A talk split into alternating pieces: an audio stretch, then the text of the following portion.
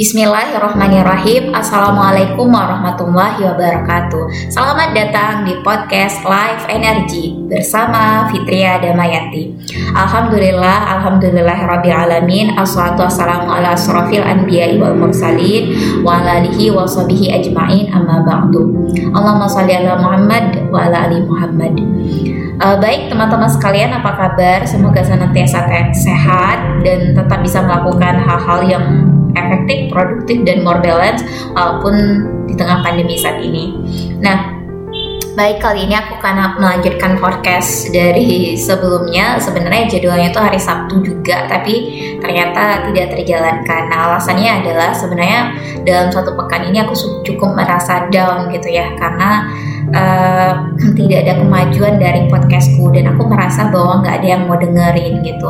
Padahal baru beberapa hari yang lalu aku kemudian jadi pembicara tentang to be the truly influencer gitu. Kita berbicara tentang menjadi influencer yang sebenarnya gitu ya bukan kemudian yang dijadi ukuran adalah banyaknya followers banyaknya pendengar gitu ya menjadi ukuran itu adalah dijadikan trending atau viral di tengah-tengah penduduk bumi gitu ya tapi menjadi perhatian oleh penduduk langit gitu.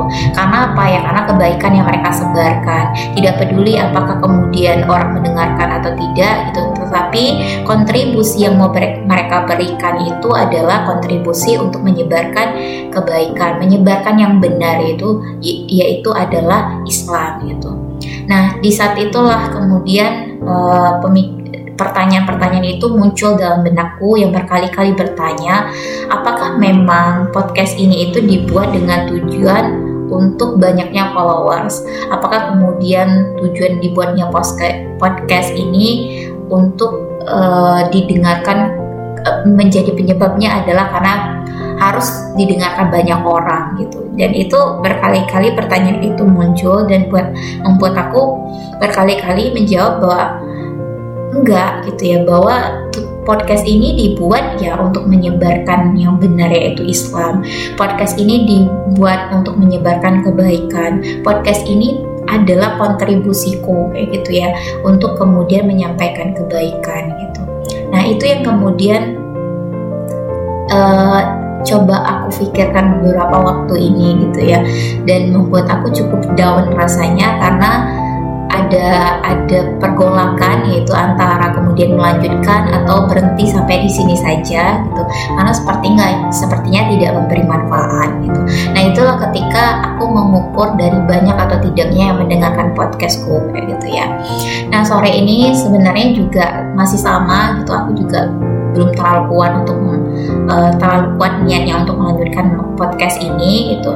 Tapi um, karena di sini sore Ahad gitu ya sore Ahad sekitar pukul 5 sore aku juga sebelumnya tadi tuh masih mengerjakan beberapa tugas gitu. Nah di situlah kemudian karena ternyata tidak ketemu gitu ya uh, stuck gitu terus kemudian aku coba buka sosial media dan ngeliat postingan yang membuat aku berpikir oke okay, gitu ya bahwa hidup ini tuh singkat. Dan kalaulah kemudian kita tidak memberi manfaat gitu ya tidak kemudian menyampaikan kebenaran lantas hidup ini untuk apa? Kayak gitu. Nah jadi postingan ini tuh berkaitan dengan acara nanti malam gitu acara uh, Pak Nopriyadi Harmani beliau itu dosen UGM dan uh, kenapa kemudian aku mengikuti beliau ya kalau di Instagram ya karena beliau itu penulis buku The Model dan jujur dari beberapa latar belakang beliau itu itu tuh adalah uh, jenjang pendidikan yang aku pengen banget dulu untuk masuk ke sana gitu ya. Beliau S1-nya di UGM gitu, terus lanjut S2-nya di Nayang Teknologi University gitu. Itu juga yang aku pengen banget waktu S1 gitu terus S3 beliau tuh di Tokyo nah tapi bukan itu yang kemudian sangat menonjol hari ini yang aku perhatikan dari beliau itu tetapi adalah konsistennya beliau menyebarkan dan mendakwakan Islam gitu. Bahkan demodel itu juga kontribusi beliau bagaimana demodel itu mendidik generasi menjadi membangun generasi uh, eh, pembangun peradaban yang gemilang kayak gitu. Nah, jadi ada postingan yang berkaitan dengan acara itu ini ada orang Korea yang kemudian sudah uh, mendapat gelar PhD di usia 8 tahun. Tetapi beliau butuh waktu si orang Korea ini ya itu butuh waktu sekitar 50 tahun untuk mendapatkan kebahagiaan gitu. Jadi dari situ aku kemudian berpikir bahwa ternyata impianku yang selama ini selalu rancang, selalu kupikirkan dan selalu kuingini gitu ya kuliah S2 di luar negeri, dapat beasiswa gitu, nanti pulang dengan segondol gelar gitu, pulang dengan banyak prestasi gitu, pulang dengan uh, banyak ilmu baru. Nah, itu yang kemudian kufikirkan dalam pikiranku gitu. Tapi ternyata gitu dari kemudian postingan yang kulihat itu ternyata itu tidak membawa kebahagiaan gitu. Nah, dari dalam beberapa waktu belakangan ini juga aku sudah tes TOEFL sih untuk dapat untuk uh, apa mengejar beasiswa ya gitu ya. Jadi kan ada skor tertentu untuk dapat TOEFL itu baru bisa ngapply beasiswa gitu. Nah, aku sudah coba kemarin sekali tes sebenarnya baru sekali gitu dan memang belum belum mencapai target skornya gitu untuk bisa apply beasiswa gitu. Tapi uh, aku sebenarnya juga nggak mundur gitu tapi memang belakangan ini aku pikir bahwa tidak semua yang kemudian kita cita-citakan itu mesti terwujud gitu. Dan dari situ aku kemudian mengingat kata-kata Ali bin Abi Thalib radhiyallahu anhu beliau berkata ya Allah ingatkan aku ketika uh, harapanku tidak tidak kemudian terwujud seperti mana yang kuharapkan gitu dan cita-citaku atau impianku terwujud sebagaimana yang kuimpikan gitu karena kasih sayangmu gitu ya dan kemudian rencanamu terhadap hidupku gitu itu jauh luar biasa dibandingkan harapan-harapanku dan impianku kayak gitu. Nah dari situ aku berpikir bahwa uh, kalau memang bukan itu jalannya gitu ya. Ada ada kemudian jalan lain yang memang sengaja Allah bukakan yang itu bisa jadi untuk menggali potensi yang ada pada diri kita gitu. Nah itu yang kadang sulit kita temukan ketika kemudian harapan-harapan tidak terwujud impian-impian seolah-olah tidak terbuka lebar di depan mata seolah-olah terhalang gitu ya seolah-olah tidak ada jalan gitu. Di situ sebenarnya jalan lain terbuka gitu. Untuk kemudian kita menggali potensi diri kita lebih dalam dan ternyata menemukan potensi-potensi yang uh, sangat bermanfaat sebenarnya gitu. Nah dari situ memang aku merasa bahwa oke sekarang saatnya aku lakukan itu gitu. Walaupun mungkin cukup terlambat ya karena di usia yang sudah masuk seperempat dan baru sekarang terpikirkan untuk menggali potensi lagi kayak gitu. Tapi kan sebelum kemudian manusia menghadap rohnya gitu ya masih ada waktu untuk kemudian mereka menempuh hidup ini untuk memanfaatkan seluruh potensi mereka untuk memberikan kontribusi untuk Islam kayak gitu. Nah kita lihatlah begitu banyak orang yang kemudian menggunakan potensi mereka gitu mengoptimalkan apa yang ada pada diri mereka untuk kemudian perjuangan di dalam Islam. Demi apa? Demi kebangkitan Islam gitu. Nah dan itu juga yang sebenarnya sangat sangat aku impikan dan sangat sangat aku inginkan gitu.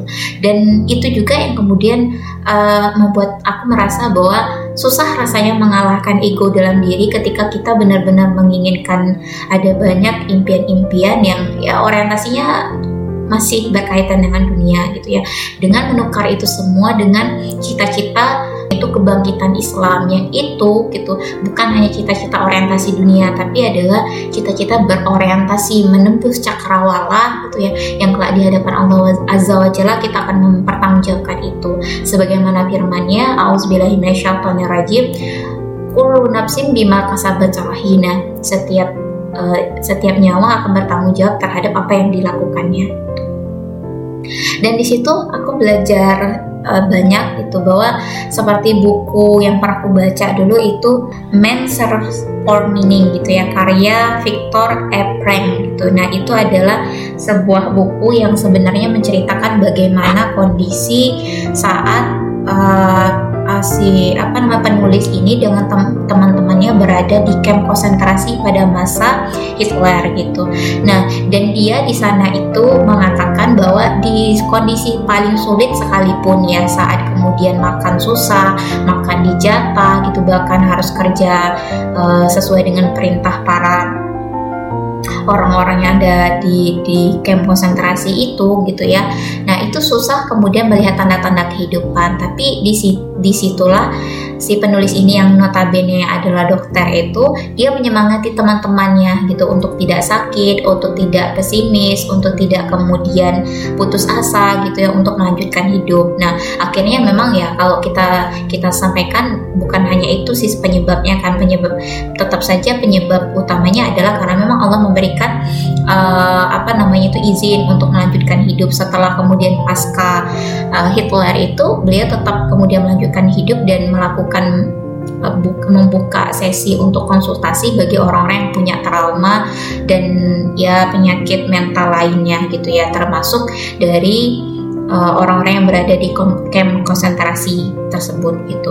Nah dan dia memang melihat gitu banyak kemudian teman-teman yang meninggal karena putus asa gitu ya karena kemudian uh, marah terhadap kondisi gitu karena kemudian tidak terima terhadap kondisi kayak gitu. Nah sedangkan dia apa yang dia ingat adalah saat-saat yang membahagiakan bersama istrinya gitu walaupun istrinya ini juga nggak ditemukan dan uh, kalau tidak salah memang uh, meninggal kayak gitu ya mati. Nah dari situ aku berpikir ya orang non muslim aja kemudian bisa berpikir begitu gitu. Apalagi kemudian kita yang seorang muslim gitu yang punya keimanan di dalam dada. Yang dengan keimanan inilah para pejuang-pejuang Islam para kemudian pasukan-pasukan kaum muslimin di dalam medan jihad itu selalu uh, merangsek maju ke medan jihad karena apa ya? Karena keimanan dalam dada mereka gitu. Dan dalam sejarah sangat sedikit yang mereka itu menuai kekalahan. Selalu kemudian menuai kemenangan apalagi saat Rasulullah masih hidup gitu. Ini membuktikan bahwa bahwa uh, kekuatan keimanan itu tidak akan mampu terkalahkan oleh apa pun. Selama memang iman itu masih murni yaitu ketaatan kepada Allah Azza wa Jalla meyakini Allah Azza wa Jalla dan seluruh perintah-perintahnya ini juga yang membuat aku berpikir uh, berpikir lagi gitu ya bahwa mestinya gitu ya dengan iman yang kita miliki kita itu mampu survive menjalani kehidupan. Kita mampu memberikan kontribusi terbaik dalam menjalani kehidupan dan mampu memberikan banyak manfaat bagi kehidupan yaitu to be the, the truly influencer gitu. Nah uh, di kali ini mungkin ada teman-teman yang pernah merasakan gitu ya artinya um, satu-satunya yang kemudian membuat aku merasa bahwa sesuatu itu sudah banyak berubah dan bisa menerima kondisi dan kemudian aku berpikir bahwa ada jalan lain yang dibukakan oleh Allah ya gitu ya. Ya ketika kemudian mengkaji Islam dan dari situlah berproses kemudian menja berupaya menjadi lebih baik walaupun kalau dari kata baik itu sangat jauh gitu ya. Nah di sinilah kemudian kita bersama-sama berjuang gitu ya, kemudian sama-sama uh, survive gitu ya, sama-sama kemudian melakukan yang terbaik itu untuk memberikan manfaat yang terbaik untuk apa? Untuk hanya untuk satu hal yaitu untuk uh, berkontribusi yang terbaik di dalam Islam gitu. Dan kontribusi itu sangat banyak bisa dengan menulis bisa dengan berbicara gitu ya bisa dengan kemudian menyampaikan gitu. Bisa kemudian dengan membuat desain gitu. Bisa kemudian dengan membuat uh, ya dalam bentuk yang lainnya gitu yang kemudian itu yang masih dibolehkan di dalam Islam gitu ya. Dan itu bagian dari kontribusi kita untuk menyampaikan Islam. Nah, karena seorang muslim itu berkat keimanan mereka gitu ya, berkat kemudian mereka memiliki uh, keyakinan yang benar, inilah yang membuat hidup mereka itu harusnya jadi jauh lebih baik. Yang mestinya memang mampu menggambarkan kuntum khairatu umat gitu ya, yaitu umat terbaik yang kemudian dilahirkan di muka bumi ini. Oke, itu saja mungkin untuk podcast kali ini. Semoga bermanfaat. Aku harap di mana pun kalian berada tetap yakin terhadap apa pun itu gitu ya. Selama itu datangnya dari Islam jalankan gitu dan teruslah memberi kontribusi terbaik di dalam Islam. Walaupun mungkin tidak dilihat oleh penduduk bumi tapi penduduk langit pasti nggak luput pandangannya terhadap apa pun yang kita lakukan sekecil apa pun itu dan yakinlah bahwa itu kelak akan kita pertanggungjawabkan di hadapannya maka tetaplah melakukan hal terbaik untuk agamanya mengkaji Islam, belajar Islam, memperjuangkan Islam hingga bangkitnya Islam itu kembali. Walau alam bisawab Um, sampai jumpa di podcast selanjutnya. Tetap sehat, tetap semangat, dan yang paling penting jangan lupa tetap taat. Wassalamualaikum warahmatullahi wabarakatuh.